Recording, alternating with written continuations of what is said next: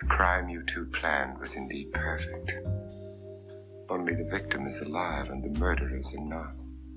It's a pity you didn't know when you started your game of murder that I was playing too.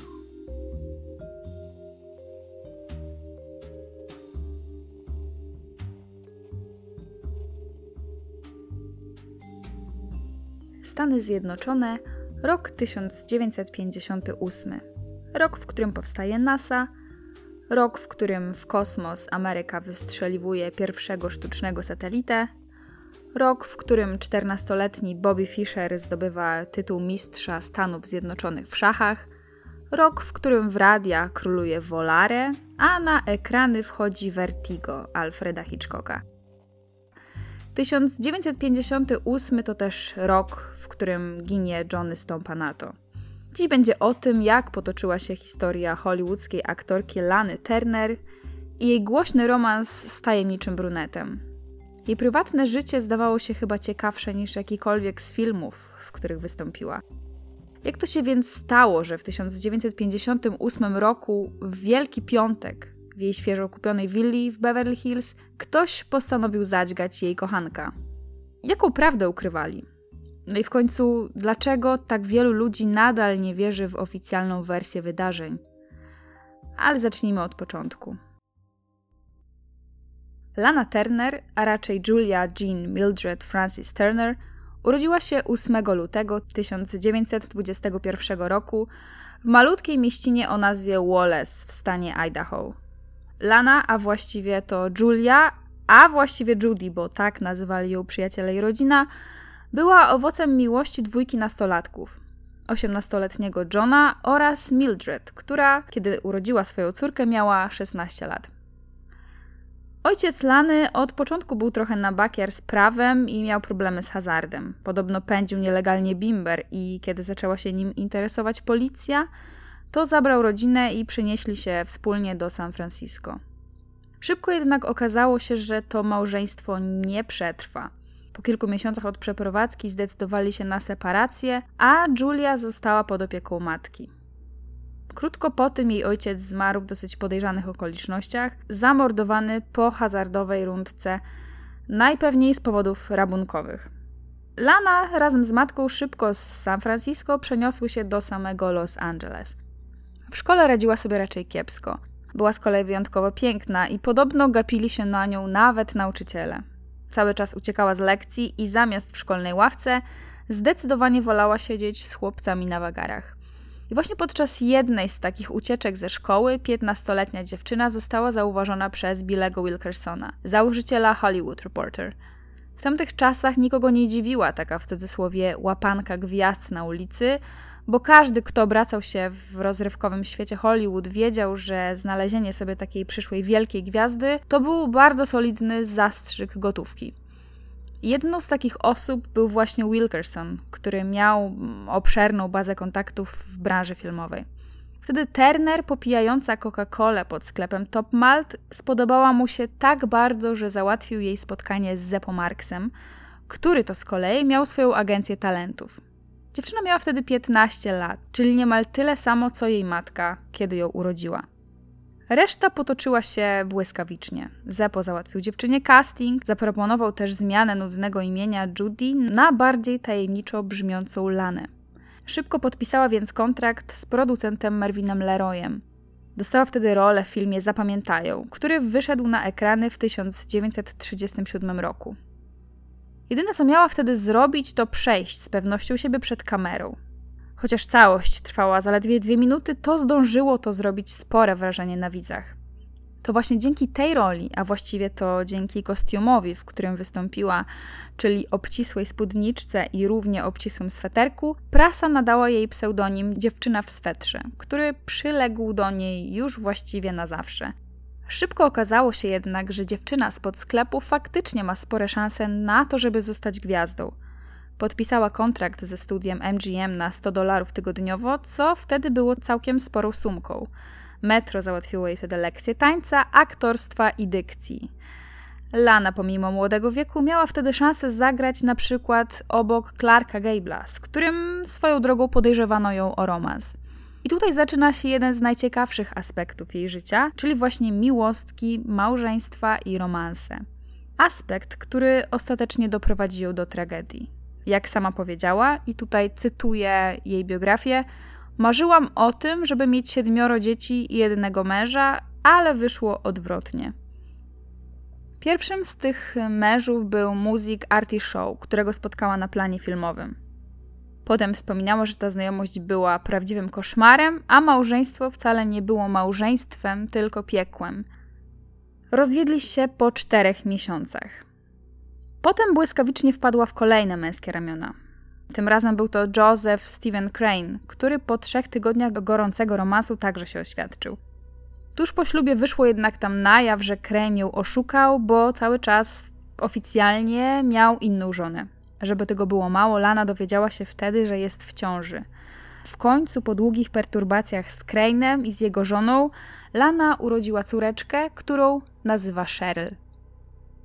Od tej pory musiała sobie jednak radzić sama, wychowując Cheryl jedynie z pomocą swojej matki.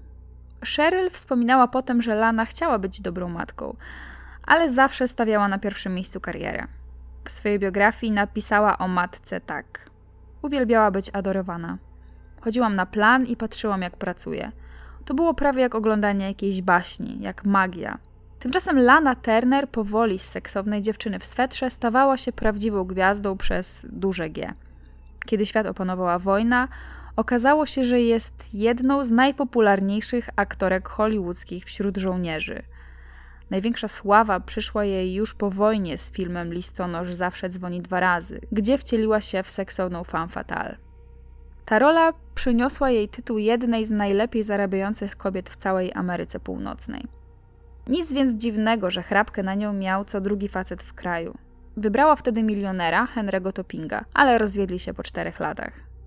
Wtedy, jak wyszło po latach, Lana podcięła sobie żyły i połknęła tabletki. Prasa pisała to jako wypadek pod prysznicem. Kiedy doszła do siebie, od razu związała się z kolejnym facetem. Tym razem był to aktor Lex Barker, znany głównie z roli Tarzana. To małżeństwo niestety zakończyło się tragedią, bo byli ze sobą przez kilka lat, aż do czasu, w którym jej córka wyznała swojej babce, że Lex ją molestował. Co ciekawe, Lana na początku w to nie uwierzyła. Zażądała, żeby wysłać Cheryl do lekarza, ale lekarz potwierdził wszystko, co ona mówiła. Końcu się rozwiedli, ale ani Lana, ani Cheryl nigdy nie zgłosiły tej sprawy na policję. Sprawa wyszła dopiero po latach. Wraz z rozwodem zaczęły się dla nich ciężkie czasy. Lana nie robiła się młodsza, a studia przestawały podtrzymywać kontrakty z aktorami, którzy nie przynosili wystarczająco dużo zysku. Jej pewność siebie została wtedy dosyć poważnie zachwiana. Miała 36 lat, pięć nieudanych małżeństw i nastoletnią, coraz bardziej buntującą się córkę. To było oczywiste, że potrzebuje miłości. I właśnie wtedy, w 1957 roku, tuż po rozwodzie z Barkerem, Lana poznaje faceta, który raz na zawsze miał zmienić jej życie Johna Steela. Miał ciemne, falowane włosy, oliwkową cerę i wyglądał jak prawdziwa gwiazda filmowa, chociaż prowadził jedynie klub nocny w Hollywood. Był 5 lat od niej starszy, chociaż wyglądał na młodego i nie ukrywał swojego włoskiego pochodzenia. Cheryl tak go opisała w swojej autobiografii żeby zakamuflować słabą znajomość gramatyki, mówił krótkimi zdaniami. Nawet wśród przyjaciół rzadko się uśmiechał albo śmiał. Do życia Lany wtargnął z nienacka. Najpierw dzwonił codziennie, potem każdego dnia przesyłał do jej rezydencji kwiaty. Kiedy dowiedział się, jaką lubi muzykę, zaczął wysyłać jej winyle. No, prawdziwy gentleman trafił w dodatku na idealny moment, bo Lana po kolejnym nieudanym związku szukała pocieszenia. Jak sama napisała, jego zaloty były delikatne, uporczywe i w końcu przekonujące. Długo nie musiało jednak minąć, a związek ujrzał światło dzienne. Kiedy Lana opowiedziała o swoim nowym kochanku przyjaciołom, tamci zauważyli, że coś jest z nim nie tak. Okazało się, że jeden z jej znajomych pamiętał tego faceta ze szkoły, ale wcale nie miał 39, jak mówił, ale 31 lat. I wcale nie nazywał się żaden John Steele, tylko Johnny Stompanato. W dodatku nie prowadził wcale żadnego klubu. Był za to bodyguardem największego gangstera Hollywood Mickiego Coena. W dodatku chodziły plotki, że zatrudnia się jako, uwaga, uwaga, męska prostytutka. No, podsumowując, niezbyt ciekawy gość, ale niestety było już za późno. Lana się zakochała, a my nawet nie musimy się domyślać, że to całe niebezpieczeństwo musiało dodawać sprawie pikanterii. Sama potem napisała, że to było jak taki silny pociąg do zakazanego owocu. Jedyna rzecz, na jakiej temat Johnny nie skłamał, to było jego pochodzenie. Faktycznie był synem Włochów, chociaż sam urodził się w Stanach i był synem Barbera i Krawcowej. Kiedy skończył 17 lat, ojciec wysłał go do szkoły wojskowej w stanie Missouri. W 1943 dołączył do piechoty morskiej, ale zanim po trzech latach opuścił służbę, to zdążył się ożenić z emigrantką turecką. Generalnie wtedy w prasie przedstawiany był jako bohater wojenny. W kilku gazetach z tamtych czasów, do których się dokopałam, można nawet znaleźć informacje o ślubie bohatera wojennego, który wracał akurat do kraju z Chin. John jednak długo nie wytrzymał jako małżonek i ojciec. Przez kilka miesięcy pracował jako sprzedawca chleba, ale potem postanowił zostawić rodzinę i przenieść się do Hollywood. Tylko czego były żołnierz szukał w mieście aniołów, tego do końca nie wiadomo. Wiadomo jednak, że nie próbował nawet imać się legalnych zajęć. Był za to częstym gościem klubów nocnych, należących właśnie do Mikiego Coena i to tam właśnie się poznali. Błyskawicznie został jego bodyguardem. Nosił za Coena pieniądze, bo noszenie przy sobie kwot powyżej 50 tysięcy dolarów było przestępstwem. Był też tak zwanym egzekutorem woli Coena. Ten uczynił z niego finansistę, taką chodzącą walizkę. John nigdy nie został jednak skazany za nic szczególnie poważnego. Kilka razy aresztowano go za włóczęgostwo, posiadanie nielegalnej broni albo noszenie zbyt dużej ilości gotówki. Nic jednak na tyle poważnego, żeby Cohen nie mógł go z tego wybronić. Sam jednak Cohen w swojej autobiografii śmiał się z tego określenia ochroniarz. Twierdził, że traktował Johnego raczej jako młodszego brata. No, w sumie Johnemu aparycją bliżej było faktycznie do hollywoodzkiego Kasanowy niż do Zbira z blizną na twarzy. Johnny często używał swojego alter ego, przedstawiając się jako John Steele, John Holida albo John Valentine. Mieszkał w apartamencie w Bel Air i oficjalnie zarabiał na prowadzeniu sklepu z pamiątkami. Ten biznes, jak twierdziła gazeta The Dog, rozkręcił dzięki solidnemu zastrzykowi gotówki od pewnej wdowy, z którą się wtedy spotykał. LAPD, czyli Departament Policji w Los Angeles, w swoich aktach opisało to jako znanego Alfonsa, szantażystę i dostawcę dziewcząt y, dla Coena. Jak się miało później okazać, to była tylko kropla w morzu innych szokujących rzeczy, które Stompanato robił dla pieniędzy. Ale nie wyprzedzajmy faktów. W 1953 roku Johnny poślubił młodszą od siebie aktorkę disneyowską Helen Stanley. Ale małżeństwo nie było zbyt udane i już po dwóch latach Johnny wrócił do poprzedniego zajęcia, czyli machania bronią nad głową Coena. Coraz bardziej i bardziej zdawał się z kolei interesować przemysłem filmowym, chcąc chyba swoje łapy położyć na którejś z wytwórni. I właśnie wtedy poznał Lanę Turner. Aktorka w swojej biografii napisała tak – tak zaczął się najczarniejszy okres w moim życiu. Zaczęło się od kwiatów i niewinnego zaproszenia na drinka, a skończyło na nagłówkach, które krzyczały o tragedii. On był troskliwy i opiekuńczy, a ja słaba i samotna. Lato 1957 roku było gorącym okresem dla tej dwójki. Johnny załatwił córce Lany pracę, kupił jej konia i wspólnie całą trójką organizowali sobie słodkie rodzinne wypady na wzgórze Los Angeles. Cheryl szybko dostrzegła w nim zastępstwo ojca i sama zaczęła spędzać z nim coraz więcej czasu niż własna matka. Na początku był troskliwym facetem. Na dowód miłości nosił na nadgarstku złotą bransoletkę z wygrawerowanym po włosku imieniem Lanita – ale chociaż ten romans był gorący i płomienny, to Lana nie chciała go upubliczniać. Oczywiście chodziło o karierę. Szybko można się jednak domyśleć, że Johnny wcale nie był takim ciepłym, uroczym facetem, za jakiego się podawał. Lipiec 1957. Lana Turner zostawia ukochanego w Los Angeles, a sama udaje się do Anglii kręcić film Inne Miejsce. Drugą gwiazdą i filmowym partnerem był wtedy Sean Connery – 10 lat młodszy od Lany przystojniak, który swoją karierę Bonda ma jeszcze przed sobą. Stąpanatu długo nie wytrzymuje sam w LA, a Lana też czuje się osamotniona w innym kraju.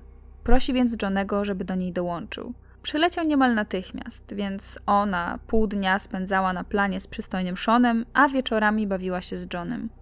Sielanka nie trwa jednak długo. Johnny powoli robi się coraz bardziej zazdrosny o filmowego partnera Lany i coraz częściej niby przypadkiem wpada na plan. Pewnego razu nie wytrzymuje i przy całej ekipie wyciąga broń i zaczyna im grozić. W tym momencie Sean Connery podobno wyrwał mu pistolet z rąk i wyrzucił z planu. Ale Lana już wiedziała, że to był dopiero początek piekła. Kiedy wróciła wtedy do hotelu, Johnny po kilku wyzwiskach zaczął ją dusić. Pomiędzy tą dwójką coraz częściej zaczynało dochodzić do przepychanek, więc właściwie nie było to dla niej nic nowego. W końcu udało jej się uwolnić z jego uścisku, ale na kolejne trzy tygodnie musiała wziąć sobie przerwę w zdjęciach. Nie mogła się w końcu nikomu pokazać z takimi śladami na szyi. Postanowiła jednak zwierzyć się swojemu przyjacielowi z planu, który z kolei zadzwonił do Scotland Yardu. Doniósł, że Stąpanato jest w kraju pod fałszywym nazwiskiem i w dodatku ma przy sobie nielegalną broń. Scotland Yard się nie patyczkowało. Automatycznie deportowali Stąpanato do Stanów. Dzięki temu Lana mogła pracować i spać spokojnie. Oczywiście do czasu, bo Johnny czekał w Kalifornii. Żeby uniknąć konfrontacji z Johnem, Lana odwlekała swój powrót do kraju najdłużej jak mogła. Z dala od swojej matki, córki, no i przede wszystkim kochanka, postanowiła udać się na samotne wakacje w Acapulco, lecąc z Londynu przez Danię. Kiedy w sekrecie przed prasą i rodziną wylądowała w Kopenhadze, jakież musiało być jej zdziwienie, kiedy na lotnisku powitała ją grupa dziennikarzy i oczywiście Johnny we własnej osobie – z własnym biletem do Meksyku.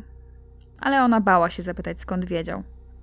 Z dala od wszystkich Johnny nie miał już żadnych hamulców.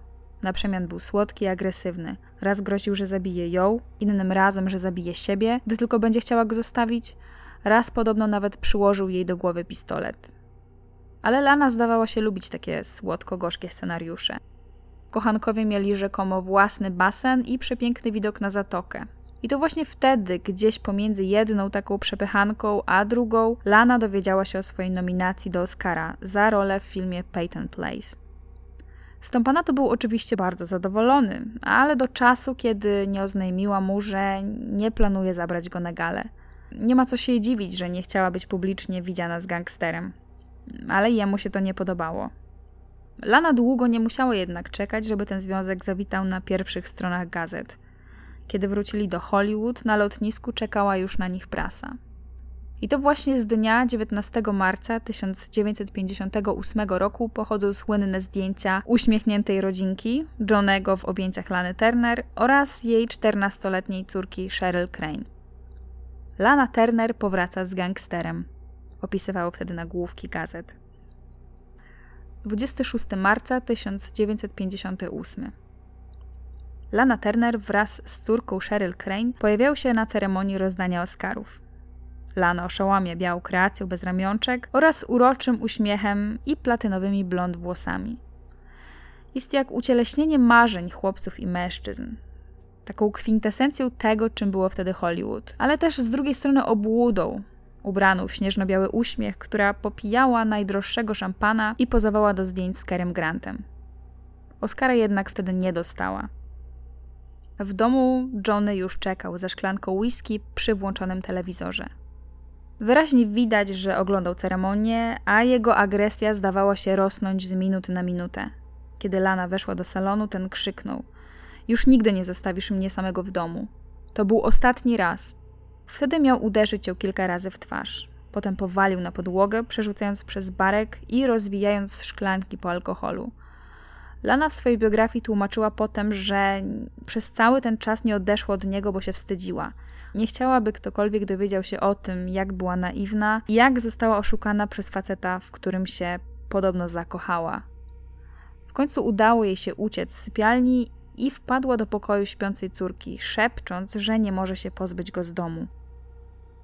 Cheryl podsunęła wtedy pomysł telefonu na policję, ale Lana podobno zabroniła jej tego robić. W końcu błyskawicznie dostałoby się to do prasy i zniszczyło jej karierę, na której najwyraźniej miała niemałą obsesję. Cheryl mówiła, że czuła się wtedy, jakby rozmawiała z kimś głuchym, ale jak twierdziła, nie, nie mogła nic zrobić. Lana wtedy wróciła do sypialni. John już spał. I tak wielka aktorka Lana Turner na kilka godzin po słynnej ceremonii rozdania Oscarów szlachała w łóżku w sypialni, cała posiniaczona i zakrwawiona obok śpiącego Stompanato. Na szczęście lub nieszczęście ten koszmar miał już jednak trwać niedługo. 4 kwietnia 1958. Wielki Piątek. Ciepły kalifornijski wieczór. Jednak przy Bedford Drive, Beverly Hills, domu, w którym Lana mieszkała zaledwie od trzech dni, atmosfera była tak gęsta, że można było ją kroić nożem. I używam tutaj słowa nóż nie bez przyczyny. Lana Turner i jej kochanek, gangster Johnny Stompanato, po raz kolejny ciągnął tę samą kłótnię. Wcześniej spędzili ponoć popołudnie na wspólnych zakupach. Stompanato opuścił dom gwiazdy, po czym wrócił tego samego wieczoru. I kłótnia zaczęła się od nowa. Tym razem oficjalnie miało być jednak inaczej. Lana postanowiła się odważyć i zerwać raz na zawsze swoją znajomość z Johnem. Kłótnia z salonu przyniosła się do sypialni, a w pokoju obok siedziała jej córka. Krzyczeli, tłukli kieliszki, szarpali się, a Cheryl powoli wpadała w coraz większą panikę. Siedziała sama w pokoju, opracowując plan rozdzielenia Stompanato i jej matki, a potem wyrzucenia go z domu. Podeszła pod zamknięte drzwi sypialni i nawet zaczęła błagać matkę, by ta otworzyła i żeby przestali się w końcu kłócić. Idź do pokoju, John już wychodzi. Miała wtedy powiedzieć Lana. Ale oczywiście nigdy nie wyszedł.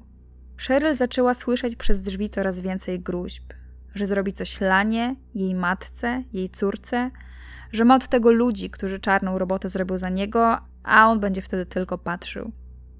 W końcu, kiedy Cheryl zdała się już wrócić do swojego pokoju, Lana wybłagała Johnego, żeby faktycznie wyszedł z ich domu. Zaczął się więc zbierać do wyjścia, zabierając z garderoby kilka swoich drewnianych wieszaków z ubraniami. W tym czasie Lana postanowiła otworzyć drzwi do sypialni. Nagle Cheryl wbiegła do pokoju, stając pomiędzy matką a Johnem zwróconym przodem do drzwi wejściowych i unoszącym rękę z wieszakiem.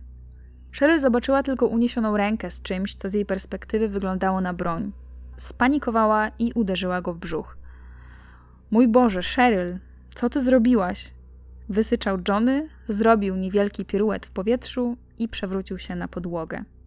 Z zamkniętymi oczami i świszczącym oddechem Johnny Stompanato, bodyguard i przyjaciel największego gangstera Hollywood, leżał właśnie umierający na nowym dywanie w rezydencji Lany Turner. Cheryl błyskawicznie się cofnęła, z rąk wypadł jej nóż. I dopiero w tym momencie dotarło do Lany, że jej córka wcale nie uderzyła go w brzuch pięścią, a dosyć głęboko wbiła w brzuch ostrze noża. Natychmiast rozkazała Cheryl wyjść z pokoju, a sama zajęła się miejscem zbrodni. Johnny leżał już nieprzytomny, z coraz płytszym oddechem. Aktorka niczym w transie podniosła z podłogi nóż i zadzwoniła najpierw do swojej matki, a potem do prawnika Jerego Geislera, który kilka lat wcześniej reprezentował Marilyn Monroe w jednym z jej rozwodów. Po kilku minutach cała wezwana ekipa wraz z zaprzyjaźnionym lekarzem już stali na progu sypialni Lany i patrzyli na konającego stąpanato i Lanę, która usiłowała ratować go metodą usta-usta. Lekarz wtedy zrobił mu zastrzyk z adrenaliny prosto w serce, ale było już za późno. Johnny nie żył. Ale nikt nie zadzwonił na karetkę. Dopiero potem, po dwóch godzinach, prawnik postanowił wezwać policję. Pozostaje tylko zagadką, czemu czekali tak długo. Kiedy policja w końcu przyjechała, ciało stąpanato było już przeniesione. Nigdzie nie było widocznej krwi, odciski palców były zamazane, a matka i córka zaczęły opowiadać swoją historię policji. Pościel na łóżku została już zmieniona, a po latach Geisler rzekomo wyznał, że w momencie, gdy przyjechał na miejsce zbrodni, łóżko wyglądało jakby ktoś zarżnął na nim wieprza. To był cytat. Ale nie wiadomo, czy to była prawda, bo nikt tego nie sprawdził. Po krótkich oględzinach policja zabrała Cheryl na posterunek Beverly Hills. Pierwszą noc pozostała w celi, a następnego dnia pobrali od niej odciski palców i przewieźli do zakładu poprawczego. Do tej pory policja uznawała ten czyn za uzasadnioną obronę własną. ciało Johnego trafiło do kostnicy, a na identyfikację przyjechał sam Mickey Cohen. I teraz zaczyna robić się naprawdę ciekawie. Dlatego, że w czasie, kiedy wszyscy skupili się na samym miejscu wydarzeń, w prywatnym mieszkaniu Johnego miało miejsce włamanie. Ktoś wybił szybę w oknie, wszedł do apartamentu i ukradł, jak potem powiedziała jego gosposia, jedną rzecz. Był to, uwaga, uwaga, zestaw do golenia. No, przyznam, że dosyć dziwny łup, jak na włamanie na tle rabunkowym, tym bardziej, kiedy właściciel mieszkania właśnie kona na podłodze słynnej gwiazdy filmowej. Ale kto się włamał i po co? To wszyscy dowiedzą się za kilka tygodni. Dwa dni po zabójstwie prokurator William B. McKesson robi konferencję prasową.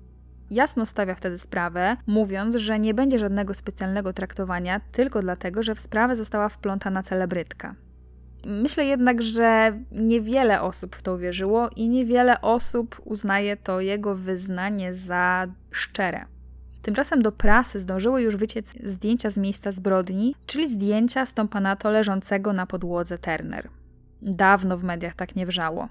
Każdy zastanawiał się, jak to możliwe, że Johnny, przecież całkiem rosły facet, mógł zostać tak łatwo zabity przez naprawdę drobną nastolatkę.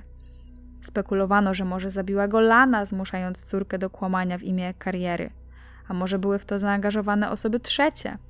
Zdawało się, że każdy miał własną wersję wydarzeń. Oczywiście również Miki Cohen. Prasa cytowała: Nie rozumiem tego. Myślałam, że bardzo go lubiła. Byli naprawdę szczęśliwi. Ta sprawa mi się nie podoba, bo tutaj jest wiele pytań, na które nie ma odpowiedzi.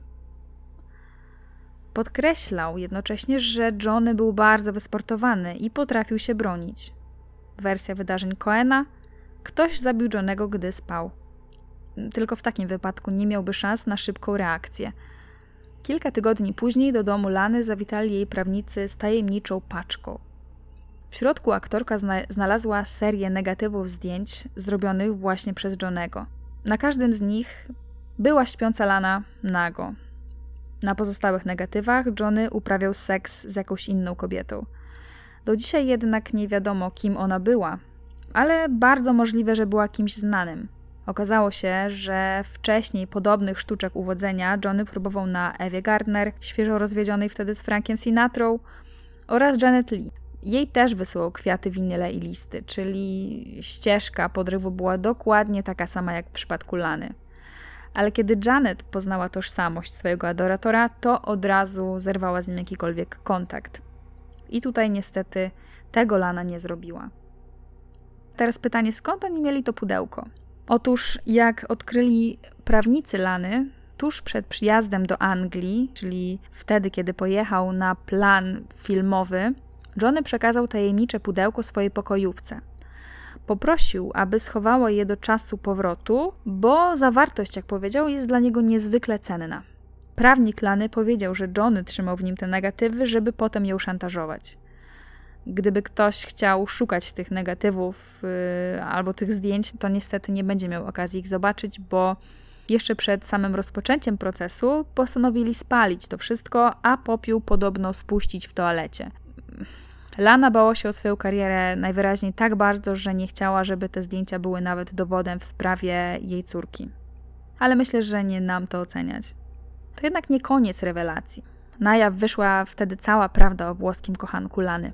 Okazało się, że policja już od dawna miała go na oku i nie chodziło tutaj bynajmniej wyłącznie o powiązania z mafią. Podejrzewali go, tak jak już wcześniej wspominałam, o prostytucję i wyłudzanie ogromnych sum od bogatych kobiet. No, facet był młody, przystojny i kiedy się postarał, no to potrafił być naprawdę czarujący. Często widywano go z dużo starszymi kobietami, od których rzekomo miał być zależny finansowo. Można by rzec, że był takim popularnym hollywoodzkim playboyem ze specjalnością starsze babki. Zarabiał na tym, że uwodził znane celebrytki hollywoodzkie, potajemnie robił im zdjęcia, a potem szantażował, że sprzedaje prasie. Prasa dotarła też do jednego z jego kolegów z czasów wojska, który te wszystkie spekulacje oficjalnie potwierdził. Johnny nosił przy sobie kalendarz i zawsze miał tam wpisane spotkania z kilkunastoma kobietami. Każda z nich była mężatką. Mówił mi, że wyhaczał je w klubie i jakimś cudem bez ich wiedzy zdobywał numer telefonu. Następnego dnia dzwonił i rozkosznym głosem ćwierkał, że widział je zeszłej nocy i musiał zadzwonić, bo są najpiękniejszymi kobietami na świecie. Ale skąd miał ich numery? To też szybko wyszło na jaw.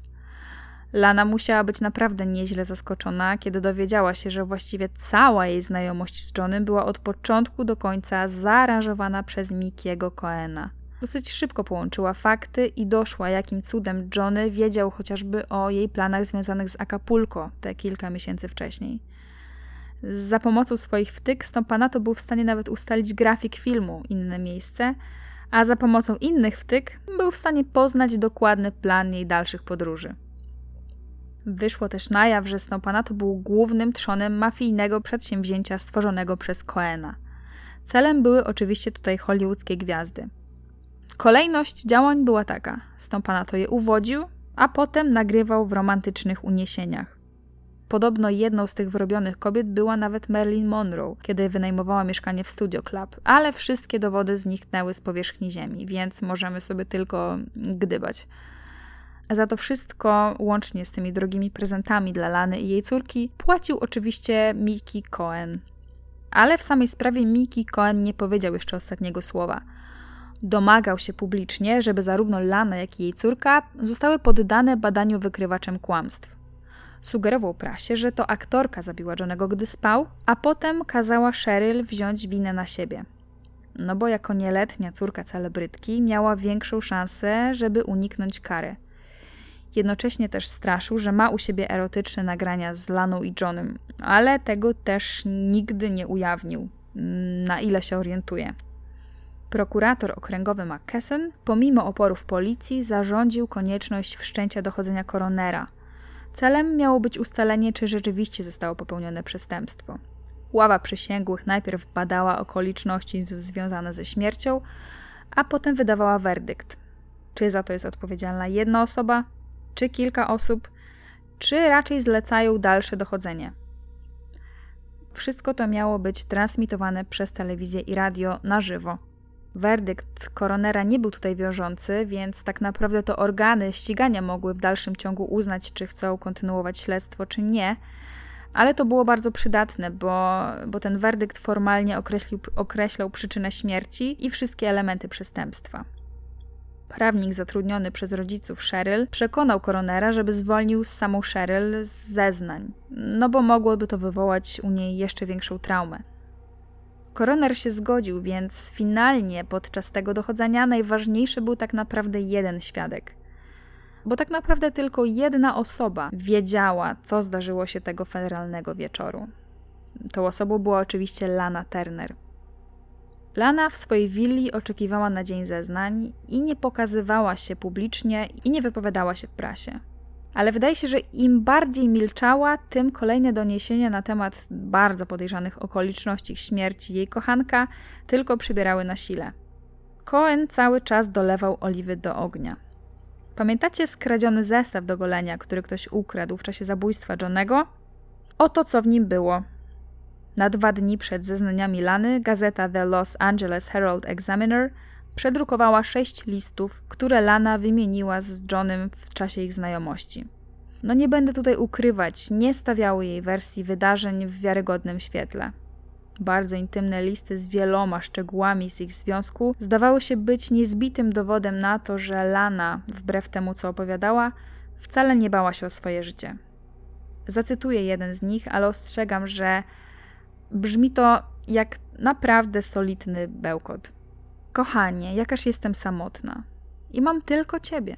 Mam gdzieś całą resztę. Siedzę na piętrze z naszymi nagraniami, pada deszcz, a ja tęsknię i potrzebuję cię. Najukochańszy, cóż ja bym bez ciebie zrobiła? Istniała? Pewnie tak, ale tylko to. Nic więcej. Zawsze będę cię kochać, a ty będziesz kochał mnie. Nigdy w to nie wątp i nigdy tego nie zapominaj. Wszystkie te listy były podpisane Lanita, czyli zupełnie tym samym imieniem, jakie widniało na złotej bransoletce, którą miał na sobie Johnny w chwili śmierci. Mickey Cohen nawet nie krył się z tym, kto te listy wysłał do prasy. Sam przyznał, że od razu po tym, kiedy policja wezwała go na identyfikację ciała Johnego, to wysłał swoich ludzi do mieszkania Johnego, żeby ukradł te listy, zanim znajdzie się tam policja. Ale na jego nieszczęście znaleźli właśnie tylko listy, bo Cohenowi oczywiście chodziło głównie o słowetne negatywy, a te trzymała przecież nieświadoma niczego gosposia. 11 kwietnia 1958. Dochodzenie koronera w sprawie śmierci Johnego Stompanato było do tamtej pory najchętniej oglądanym wydarzeniem telewizyjnym w historii. No w końcu nic nie sprzedaje się tak dobrze jak publiczne pranie brudów. A jeśli to są brudy kogoś znanego, to myślę, że sprzedają się jeszcze lepiej. Zeznania Lany miały sprawić, że jej córka albo odejdzie jako wolna kobieta, albo zostanie oskarżona o morderstwo. Zainteresowanie było tak duże, że w sądzie trzeba było zarezerwować największą salę w całym budynku w Hall of Records. Ze 160 miejsc na publiczności, aż 120 było zarezerwowanych dla mediów. Telewizje CBS i ABC oraz kilkanaście stacji radiowych transmitowały wydarzenie z sali sądowej na żywo. Żeby tego było mało, właśnie w kinach pojawił się najnowszy film z Laną Turner. Widzowie tłumnie więc przychodzili do kin po to, żeby zobaczyć melodramat Peyton Place, w którym właśnie jedną z kluczowych scen było, jak było przesłuchanie kobiety w sprawie przestępstwa dokonanego przez nastoletnią koleżankę jej córki. No muszę przyznać, że ironia losu wręcz poraża i aż dziwne, że nie był to jakiś wymysł szalonego PR-owca z wytwórni. Chociaż zeznanie miało się odbywać o dziewiątej, to już przed szóstą rano przed budynkiem ustawiły się długie kolejki gapiów. Każdy przecież chciał usiąść na jednym z tych 40 wolnych miejsc na sali. Wśród tych świateł telewizyjnych i lamp fotoreporterów Lana, Steven Crane, czyli jej były mąż i ojciec Cheryl oraz zatrudniony przez nich prawnik Jerry Geisler weszli do budynku i udali się na salę sądową. Jako pierwszy zeznawał Cohen. Usiadł, zdjął kapelusz i odpowiedział na pytania. Czy widziałeś szczątki zmarłego w tej sprawie? Widziałem jakieś szczątki, tak. Czy to był ktoś, kogo znałeś? Odmawiam składania zeznań. Czy zmarłą osobą był John Stompanato Jr.? Odmawiam składania zeznań z uwagi, że mogę zostać oskarżony o jego zabójstwo. Całość zeznań Coena, ku zaskoczeniu wszystkich, trwało niecałe dwie minuty. Powołał się oczywiście na piątą poprawkę i nawet nie czekał na całą resztę, po prostu wyszedł z budynku. Potem koroner przedstawił raport z autopsji zmarłego, który udowadniał, że nawet cały zespół lekarzy nie byłby w stanie uratować życia Stompanato. Nawet gdyby przyjechali od, na miejsce od razu. Johnny został dźgnięty nożem w brzuch. Ostrze przebiło nerkę i skręciło do góry, nakłuwając aortę. Stąd też miał miejsce właśnie krwotok wewnętrzny i stąd też brak dużej ilości krwi na zewnątrz. Co ciekawe, lekarz ogłosił też, że Johnny prawdopodobnie nie przeżyłby nawet kolejnych 10 lat, bo wykryli u niego jakąś poważną e, chorobę wątroby. Po koronerze przyszła więc kolej na Lanę Turner. Ubrana była w skromny, jedwabny, szary garnitur i kapelusz. Stanęła na miejscu świadka, zdjęła rękawiczki i wzięła głęboki oddech. Potem, sekunda po sekundzie, zaczęła opowiadać swoją wersję historii. Mówiła o tym, dlaczego pozostawała z facetem, który ją bił, o tym, jak jej groził i o tym, że był wobec niej bardzo brutalny. Złośliwi komentowali potem, że była to najlepsza rola w jej karierze. Jak tylko skończyła mówić, natychmiast otoczyli ją dziennikarze. Ilana prawie mdlejąc opuściła salę wyciągana z tłumu przez swojego prawnika. Następnie zostali przesłuchani policjanci, którzy przybyli tego feralnego wieczoru na miejsce zbrodni. Opowiedzieli wtedy o kilku szczegółach, które z ich perspektywy były dosyć niepokojące. Jedną z tych rzeczy był na przykład nóż, czyli narzędzie zbrodni. Lana wyznała, że to był nowy nóż, który kilka dni wcześniej ona i Johnny wspólnie kupili. Policjanci jednak zeznali, że ten nóż miał kilka zarysowań i widocznych śladów użytkowania. Po drugie, nie było na tym nożu żadnych odcisków palców. Po trzecie, ani w sypialni, ani na ubraniach Lany nie było widocznych żadnych śladów krwi. Nigdzie. Sama sypialnia też wyglądała na całkowicie niezniszczoną. To przeczy temu też rzekomo powiedział Geisler o tym, że łóżko wyglądało jakby ktoś tam zarżnął wieprze. Po czwarte w końcu, Ślady krwi na nożu zawierały kilka ciemnych i jasnych włókien oraz włosów. Oczywiście technologia w tamtych czasach nie pozwalała na zidentyfikowanie tego. Według zeznań policjantów w sypialni panował wręcz sterylny porządek. Nie było odcisków palców, zupełnie jakby ktoś bardzo starannie postarał się posprzątać, zanim ich wezwał. Ten czas na rzekome sprzątanie wyjaśniałby też dużą rozbieżność czasu pomiędzy tym, kiedy wydarzyła się zbrodnia, a tym, kiedy policja faktycznie została wezwana.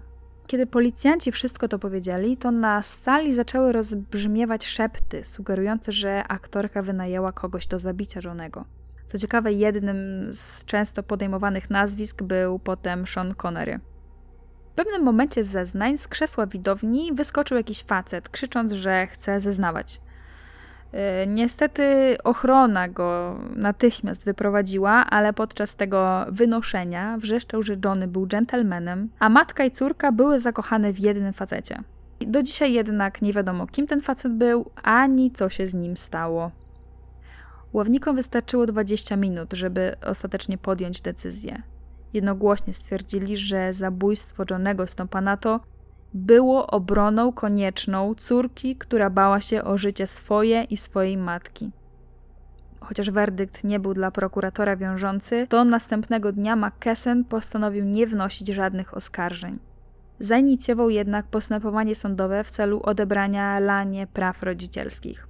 Cheryl chciała wtedy zamieszkać z ojcem, ale bała się, że jej mamie będzie smutno, więc sąd ostatecznie oddał ją pod opiekę babci aż do ukończenia 18 roku życia i zakaz jakichkolwiek kontaktów z mediami. Dla tej dziewczyny sprawa skończyła się w miarę pozytywnie. Prawie wszyscy wieszczyli jednak wtedy Lanie koniec kariery. Los Angeles Times napisało, że, tutaj cytuję, Lana Turner jest hedonistką, a jej opowieść jest pozbawiona jakiejkolwiek wrażliwości etycznej. Cheryl nie jest przestępczynią, to Lana nią jest. Wielu dziennikarzy publicznie postanowiło też zakwestionować sposób zabicia żonego. Głośno pisali, że raport z autopsji wskazuje na to, że cios powstał, tutaj znowu cytat, z wprawą wyszkolonego komandosa. Jak można się spodziewać, Mickey Cohen też był oburzony werdyktem i natychmiast pobiegł do prasy.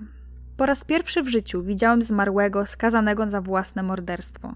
Według ławników Johnny po prostu podszedł zbyt blisko tego noża. Ten słynny cytat krążył w mediach przez długie tygodnie. Z werdyktem nie zgadzała się również rodzina Johnego – Adwokat dziesięcioletniego wówczas jego syna przy pomocy finansowej Coena wniósł pozew przeciwko rodzicom Cheryl, domagając się wtedy milionowego odszkodowania. Oficjalnie chcieli zrobić ze Stompana to ofiarę Hollywood. Mężczyznę, który zakochał się w niewłaściwej kobiecie, a romans z nią pozbawił go życia. Twierdzili, że aktorka mogła zamordować kochanka z zazdrości, gdy Lana nakryła rzekomo Stompanato w łóżku ze swoją córką.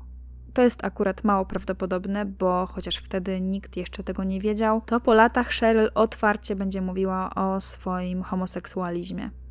Prawnik syna Johnego poddawał pod wątpliwość bardzo dużo rzeczy. Na przykład, dlaczego pomimo tak rozległej rany na podłodze ani ciele Johnego, a te zdjęcia są naprawdę dostępne w internecie, więc jeśli ktoś ma ochotę, może je sobie zobaczyć, nie było śladów krwi. Dlaczego Lana nie zadzwoniła na pogotowie i policję od razu, tylko wolała najpierw zadzwonić do matki, lekarza, prawnika, a policja przyjechała dopiero dwie godziny później. No i co właśnie działo się przez przyjazdem policji przez te dwie godziny? I teraz najlepsze. Zgodnie z wyrokiem, jaki zapadł potem w procesie cywilnym, to Lana Turner zabiła Johnego. Finalnie doszło tam jednak do ugody i Lana zapłaciła rodzinie zmarłego 20 tysięcy dolarów. Straciła co prawda pieniądze, ale uniknęła kolejnych skandalicznych nagłówków. Cheryl z kolei traumę zaczęła odreagowywać buntem. Coraz częściej opuszczała szkołę i imprezowała w nocnych klubach. Mieszkała przez ten cały czas oczywiście u babci, a rodziców przez długie lata nie chciała w ogóle widywać. W końcu sąd skazał ją na rok w ośrodku wychowawczym za nielegalne posiadanie marihuany. W tym ośrodku po raz pierwszy podjęła próbę samobójczą i chciała podciąć sobie żyły. Po wyjściu z ośrodka jeszcze raz podjęła taką próbę. Tym razem pomieszała alkohol i środki nasenne, ale przypadkowo uratował ją znajomy. W tym czasie matka rozwodziła się po raz szósty. W końcu Cheryl zaczął się interesować ojciec i zatrudnił ją w swojej restauracji. I dopiero tak naprawdę po wielu, wielu latach Cheryl i Lana stały się sobie bliższe. Na starość, kiedy Lana była już zupełnie sama, po siódmym rozwodzie zachorowała na raka. I to właśnie wtedy opiekowała się nią Cheryl. Aktorka umarła w 1995 roku.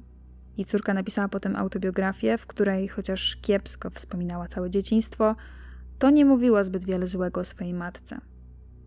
Z kolejnych telewizyjnych rewelacji po latach Eric Ruth, czyli fryzjer Lany, w 2011 roku, już po wiele lat po śmierci aktorki, wystąpił w programie CBS i powiedział, że kiedyś Lana zwierzyła się mu po pijaku, że to ona zabiła Stompanato i że zrobiłaby to ponownie. To samo zresztą napisał w swojej książce w latach 80., ale nikt tak naprawdę chyba do końca nie wziął tych rewelacji na poważnie, bo jak się można domyślać, chciał po prostu tanią sensacją zarobić kilka tysięcy dolarów. W dokładnie tym samym roku, czyli 2011, hollywoodzki producent George Shuttler również wypowiedział się na ten temat. On z kolei podkreślił w całej tej sprawie Lany i Stompanato rolę prawnika, czyli sławetnego Jerego Geislera. W tamtych czasach, czyli w latach mniej więcej 50., 60., mówiło się bowiem podobno, że załatw mi Geislera. On zawsze ponoć przyjeżdżał na miejsce i mówił: OK, cisza, spokój i do cholery zamknąć się. Każda kryminalna sprawa została w ten sposób zamykana po myśli jego klienta. Tutaj więc pojawiają się spekulacje, czy faktycznie nie było przypadkiem identycznie w sprawie Lany. No bo Geisler był jednym z najlepszych, najsłynniejszych i najbardziej skutecznych, prawdopodobnie też najdroższych prawników Hollywood. Jeśli chodzi o samą Cheryl Crane, to ona do dzisiaj sobie żyje.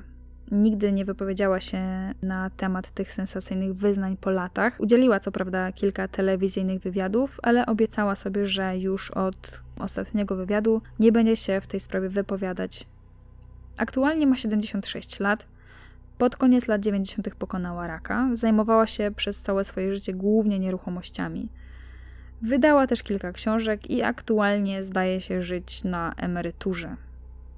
I to już koniec historii o tragicznym romansie, Kasanowie, który zarabiał na rozkokiwaniu w sobie aktorek, matce skupionej na swojej karierze i córce, która po prostu chciała normalnie żyć. Kariera, pieniądze i chciwość wygrały chyba tutaj z miłością do dziecka. Wydaje się, że Lana Turner całkiem słusznie została pozbawiona praw rodzicielskich. Tylko pytanie, czy ona sama też nie była ofiarą takich zachłannych na pieniądze dorosłych, którzy z jej urody też zrobili maszynkę do robienia pieniędzy? Jestem ciekawa, co wy sądzicie o tym zdarzeniu. Czy to faktycznie na pewno Cheryl zabiła Johnego w obronie matki? A może zrobiła to matka? A może był w to zamieszany ktoś trzeci? No i kto tutaj jest winny nieszczęścia tej nastolatki i wszystkiego złego, co jej się przytrafiło? Sława? pieniądze, niefortunny splot wydarzeń, a może własna matka?